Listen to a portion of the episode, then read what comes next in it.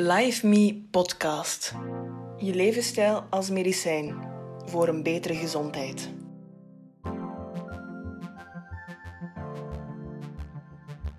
Welkom bij de Live Me Podcast. Ik ben Lende Nijs, kinestherapeut en PhD-student aan de Universiteit van Stirling in Schotland, waar ik onderzoek doe binnen het domein van levensstijl en gezond ouder worden. Samen met het LiveMe-team zet ik me in voor meer bewustwording te creëren rondom de bewezen helende effecten van de levensstijlgeneeskunde. Tijdens deze aflevering zal ik het hebben over een interessant onderzoeksgebied, genaamd chronobiologie. We gaan het hebben over ons dag-nachtritme, over hoe we timing van licht en voedinginname kunnen gebruiken om onze gezondheid te verbeteren. Deze factoren hebben invloed op je slaapkwaliteit, je mentale toestand, gewichtsregulering, hormoonbalans, focus, sportprestaties enzovoort. De reden waarom ons dag-nachtritme net zo'n enorme invloed heeft op onze biologie en ons gedrag is omdat dit een van de oudste systemen is in ons lichaam. We zijn over miljoenen jaren geëvolueerd op aarde op het ritme van dag en nacht, van licht en duisternis. Het is dus niet zo verwonderlijk dat ons lichaam en dat van bijna alle andere organismen op de wereld is aangepast aan een patroon van ongeveer een dag. Ik ga deze aflevering verschillende biologische processen aanhalen en zal deze telkens koppelen aan toepasbare strategieën om ons dag-nachtritme te optimaliseren en onze levensstijl te gebruiken als medicijn. Maak je dus klaar om je eigen dag-nachtritme te ontdekken en aan de slag te gaan met licht en voeding om meester te worden van je eigen biologische klok.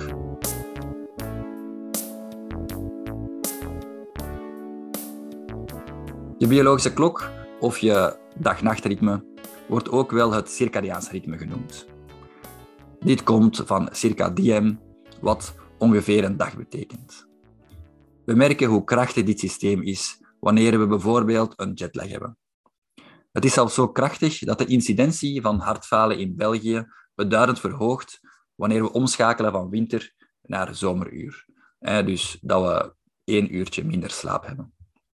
Verder bepaalt deze klok ook onze eet- en drinkgewoonten, onze humeur en emoties, lichaamstemperatuur, metabolisme en hormoonproductie. Dat wil eigenlijk zeggen, dezelfde drug met dezelfde dosis kan verschillende effecten hebben afhankelijk van het tijdstip dat het wordt toegediend. Bepaalde chemopillen, en dat wordt ook onderzocht in Gastesberg, dus bepaalde chemopillen of bloeddrukverlagers zijn effectiever wanneer je ze op bepaalde tijdstippen van de dag inneemt. En veel inflammatoire drugs hebben een sterkere werking wanneer je ze s'avonds inneemt. Andere studies geven aan dat wereldrecords bij atletiek vooral rond de middaguren worden verbroken omdat dan ja, je lichaamstemperatuur hoger is en ja, bepaalde spierklokken het beste zijn aangepast. Verder kan je best niet eten s'nachts, omdat je lichaamsprocessen en je darmen dan op een heel andere manier met die nutriënten gaan omgaan en bijvoorbeeld slechter gaan verteren. En misschien het meest spraakmakende voorbeeld is het volgende. We weten allemaal van onszelf wanneer we het liefst ochtends of s'avonds seks hebben. En ik hoop voor jou dat dat overeenkomt met het ritme van jouw partner. Ik wil nog even wat dieper ingaan op verschillende chronotypes. Dat is eigenlijk gewoon een moeilijk woord voor wat eigenlijk iedereen al kent. Iedereen kent de beide uiterste types, de stereotype ochtend- of avondmensen. Wel, de bekende slaapdokter Michael Bruce beschrijft in zijn boek The Power of When vier chronotypes. Hij beschrijft die types aan de hand van vier dieren. En ik zal een link naar een kort quizje in de show notes zetten. En aan de hand van enkele vragen krijg je dan te horen welk chronotype dat jij net bent. Interessant om te vergelijken met anderen, maar ook interessant om zo je dag te gaan inplannen. Maar daarover straks meer. Michael Bruce beschrijft dus vier dieren. Je hebt dolfijnen, beren, leeuwen en wolven. Het eerste chronotype is de dolfijn.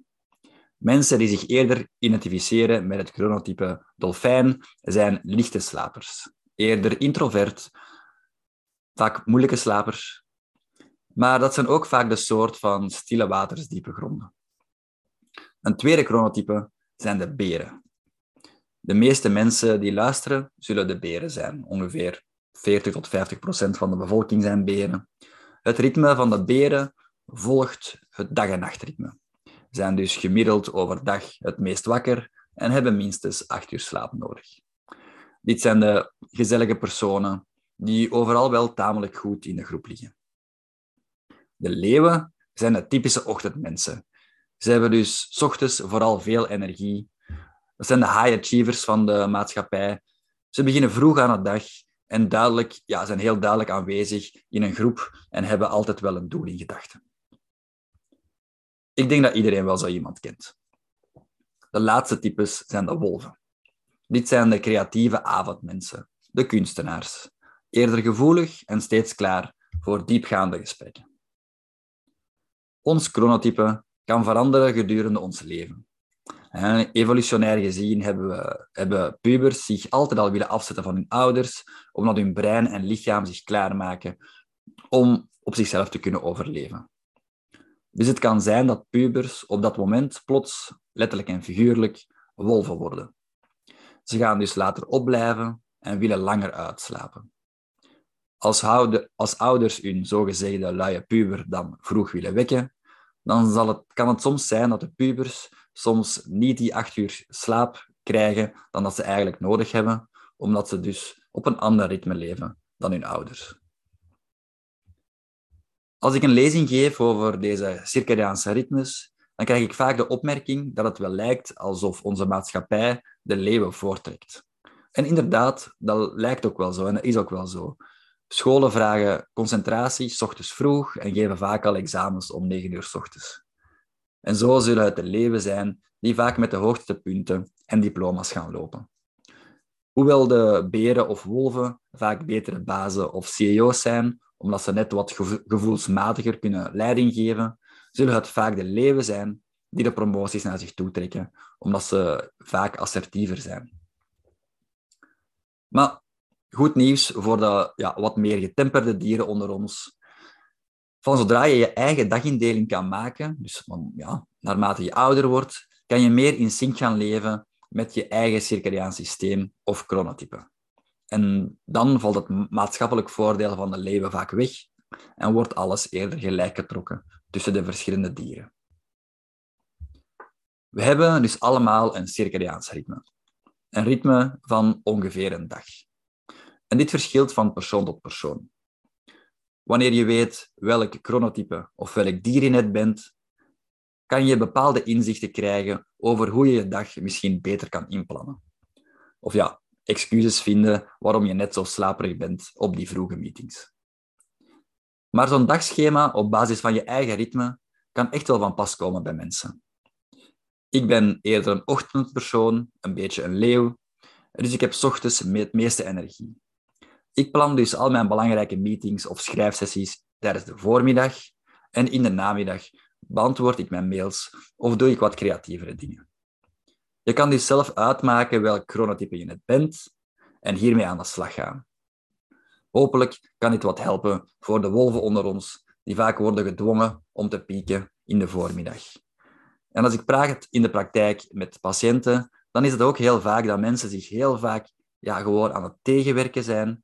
En wanneer je gewoon uitlegt van, kijk, er bestaan verschillende chronotypes, en misschien moet je, ja, je piekt eigenlijk eerder s'avonds, dus misschien moet je bepaalde, ja, je bepaalde dingen veranderen overdag. Dan krijgen de mensen vaak een beter idee van, ah ja, misschien kan ik het zo aanpakken. En dan valt er eigenlijk wel heel wat stress van hun schouders. Verder wou ik deze aflevering het nog hebben over de timing van licht- en voedinginname, om onze biologische, klok, biologische klokken niet tegen te werken en dus ja, meer in sync te gaan leven bij ons ritme. En dit gegeven kan je zien als een schommel. Wanneer je de schommel duwt op het juiste tijdstip, geef je de schommel nog wat extra kracht in zijn beweging. Maar wanneer je de schommel naar voor wil duwen, duwen wanneer die ja, net naar achter zwiert, dan verliest hij zijn mooie beweging, zijn mooie schwung. Wanneer je over lange tijd je eigen ritme gaat tegenwerken, dus steeds een foute duw geeft aan je schommel of ritme, dan zal dit gezondheidsproblemen met zich meebrengen. En dit is te merken eigenlijk op alle vlakken van je lichaam. Niet alleen je slaap, slaapkwaliteit zal hieronder lijden, maar je, kan ook, je zal ook kans hebben op mentale problemen, moedswings, je zal verkeerde voeding gaan craven, je zal minder weerbaar worden uh, tegen ontstekingsprocessen enzovoort. We willen dus in sync leven met ons ritme, zodat de schommel mooi heen en weer blijft bewegen. Op weg naar een lang en gezond leven met goede slaap. Voordat ik hierover specifieke tips en tricks geef, wil ik nog even ingaan op onze biologische klokken zelf. In 2017 heeft een onderzoeksteam de Nobelprijs, gekregen, de Nobelprijs van Geneeskunde gekregen, liever, door de volgende ontdekking. Men vond dat, het niet, dat er niet één groot ritme is in ons lichaam, dus niet één alleenstaand circadiaans ritme, maar dat ons ritme eigenlijk onderhevig is aan tal van andere biologische klokjes in ons lichaam. Een klokje, we zeggen verschillende leverklokken, verschillende nierklokken, verschillende darmklokken, verschillende klokken voor de temperatuursregeling enzovoort. Die geven eigenlijk allemaal informatie aan één grote masterklok. En de masterklok is de suprachiasmatic nucleus, of SCN, gelegen in een klein maar krachtig gebied in onze hersenen, de hypothalamus. Het SCN ontvangt informatie over licht en duisternis door de retina van onze ogen en communiceert dit dan door naar de rest van het brein en onze lichaamcellen om zo ons lichaam te synchroniseren met het dag-nachtritme van de aarde. Wat belangrijk is om te onthouden, al die klokjes samen regelen onze interne fysiologie, lichaamstemperatuur, bloeddruk, hormoonproductie, vertering, immuunsysteem enzovoort. Je kan bepaalde signalen geven aan je lichaam om terug in sync te komen met ons ritme of om de schommel weer mooi heen en weer te laten zwieren. De signalen die het brein gebruikt om zo'n klok te resetten, wordt in de wetenschap Zeitgeber genoemd, ofwel in het Nederlands tijdsaanduiders. De meest bepalende tijdsaanduiders voor het lichaam zijn licht en voeding. Het meest voor de hand liggende handvat voor het brein om dag-nachtcyclus aan te duiden is uiteraard licht. Licht wordt vertaald in het brein en je lichaam tot elektrische signalen en hormonale processen. Op het juiste tijdstip licht in je ogen krijgen kan heel goede effecten hebben op je slaapkwaliteit en mentale toestand. Er wordt bijvoorbeeld wel eens lichttherapie toegepast bij de behandeling tegen chronische slaapproblemen of depressies. Lichttherapie is ook een bewezen tool tegen seizoensgebonden depressies en ons winterdipje. Ik heb bijvoorbeeld zo'n lichttherapielamp gekocht thuis, dus in de winter zet ik die dan aan voor 10 of 15 minuten terwijl ik mijn ochtendkoffietje drink. Natuurlijk licht in de ochtend, ook wanneer het bewolkt is, is een ideale manier om je slaapkwaliteit en mentale toestand gunstig te beïnvloeden. Je lichaamsklokken weten dan dat je brein alert moet worden en dat je lichaam zich klaar moet maken om actief te zijn voor de komende ongeveer 16 uur. Ideaal is dus een ochtendwandeling van ongeveer 10 tot 15 minuten. De leeuwen onder ons doen dit wellicht al. Maar zelfs als je geen tijd hebt voor een ochtendwandeling, kan je gewoon ontbijten buiten of zelfs gewoon je koffietje drinken dicht bij een raam om toch maar zo helder mogelijk licht te krijgen, s ochtends, om je brein te laten weten dat, dat het tijd is om wakker te worden. Omgekeerd heeft helder licht voor het slapen gaan ook averechtse effecten. Vroeger werd er gezegd dat blauw licht niet goed is voor de slaap, maar eigenlijk elk helder licht is best te mijden een tweetal uur voor je wil gaan slapen. Wanneer je tot laat in de avond lichtverwerk krijgt via artificiële lampen of heldere tv of computerschermen, wordt er te weinig melatonine, ofwel het slaaphormoon, geproduceerd. Waardoor je slaapsymfonie niet kan worden gestart en je maar moeilijk in slaap kan vallen als je uiteindelijk in bed komt. Ideaal is dus twee uur voor het slapen gaan je lichten te dimmen of over te gaan naar een gezellige oranje-roodachtige lichten die laag tegen de grond staan. Kaarsen zijn natuurlijk ook top en die brengen dan ook nog eens ja, een echt extra leuke sfeer in huis. S'avonds is mijn huis dus een oranje, gezellige grot met lage en gedimde lichten of kaarsen. Ik stel ook een blue light filter in op mijn gsm, laptop en tv-scherm. Zo kunnen de wolven onder ons bijvoorbeeld toch nog laat op hun laptop werken, zonder al te veel negatieve effecten te ondervinden van het felle computerlicht. De apps die ik daarvoor gebruik, kan je vinden in de show notes. Dus helder licht voor ongeveer 10 tot 15 minuten s ochtends heeft positieve effecten. Goede slaap begint dus al s ochtends. Heldere artificiële lichten s'avonds zijn dan weer best te mijden. Het laatste deel van de aflevering wil ik het graag hebben over voeding. Meer bepaald de timing van onze maaltijden. Net zoals het eerste ochtendlicht onze masterklok en in onze hersenen vertelt dat het go-time is, geeft onze eerste hap ook bepaalde signalen naar onze lichaamsklokken. Zo kan je best niet eten twee tot drie uur voor het slapen gaan, of eet je best iets lichter voor het slapen gaan. Anders zijn je darmen nog volop bezig met de vertering en slaagt je lichaam er dus gewoon niet in om slaap te vatten. En dat is eigenlijk eerder toevallig ontdekt door wetenschappers. Men was een studie aan het doen waarbij mensen binnen een kortere tijdsperiode moesten eten om bepaalde effecten van fasting na te gaan. Nu, die mensen die in kortere tijdsframe aten en vroeger moesten stoppen met eten, gaven aan dat hun slaapkwaliteit verbeterde. Tot de verbazing van onderzoekers, maar dat is nu echt wel een bewezen effect. Wanneer mensen dus binnen een kortere tijdspanne eten, bijvoorbeeld overheen 10 of 12 uur per dag, melden ze positieve effecten op hun slaapkwaliteit. En praktisch gezien gaat dat als volgt. Je wil liefst 2 tot 3 uur voordat je gaat slapen stoppen met eten en je eet liefst binnen een tijdspanne van 10 of 12 uur per dag. Ik eet liefst tussen 10 uur ochtends en 6 uur s avonds, wat dus 8 uur per dag geeft, want daar voel ik mij het beste mee. Dat wil zeggen dus dat ik over een tijdspanne van 8 uur eet, maar voor iedereen kan dat ja, een beetje aangepast worden, naar gelang hoe dat jij je erbij voelt. Je kan je eigen tijdspannen natuurlijk zelf gaan bepalen en je kan ook die tijdspannen zelf verschuiven als je vroeger wil gaan ontbijten of later, later wil gaan avondeten. Mijn vriendin bijvoorbeeld neemt me graag uit eten en dan eet ik veel later dan, 8 uur, dan 6 uur s'avonds. En dan zou, het, zou ik dus kunnen later ontbijten om toch maar in die kortere tijdspannen te blijven eten. Maar dat doe ik zeker niet zeven dagen op zeven. Zoals alle strategieën binnen de levensstijlgeneeskunde of gewoon alles in het leven, hoeft niet alles 100% perfect gedaan te worden om goede uitkomsten te bekomen. Eens lekker cheaten mag dus zeker. Zo, we zijn aan het einde gekomen van de aflevering.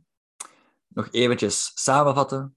Je circadiaanse ritme kan je zien als een schommel en die, werkt best, die werk je best niet tegen of anders val je er garantie af en dat is slecht voor je gezondheid. We leven allemaal op een lichtjes ander ritme. Denk maar aan de dolfijnen, de beren, de leeuwen en de wolven. We kunnen ons ritme ondersteunen door de juiste signalen te geven aan ons brein. Dit met helder, natuurlijk licht in de ochtend en minder artificieel licht in de avond. Voor de timing van voeding geldt dan weer eten binnen een kortere tijdspanne van ongeveer 10 tot 12 uur per dag bijvoorbeeld en 2, 3 uur op voorhand, voordat je wilt gaan slapen, liefst niets meer eten. Dit kan je bijvoorbeeld twee of drie keer doen per week. Dat is al een heel mooie start. Dankjewel iedereen voor het luisteren. Onze socials staan ook in de show notes, dus neem zeker eens een kijkje op die, so die socials als je meer informatie wilt over onze huidige projecten. En verder kunnen jullie bij ons ook altijd terecht als je vragen hebt over levensstijl of voor goede doorverwijzingen. Als je iemand kent die nood heeft aan een beter ritme of een betere slaapkwaliteit, stuur dan deze aflevering zeker even door naar die persoon. We kunnen effectief onze levensstijl gebruiken als medicijn. Bedankt voor het luisteren.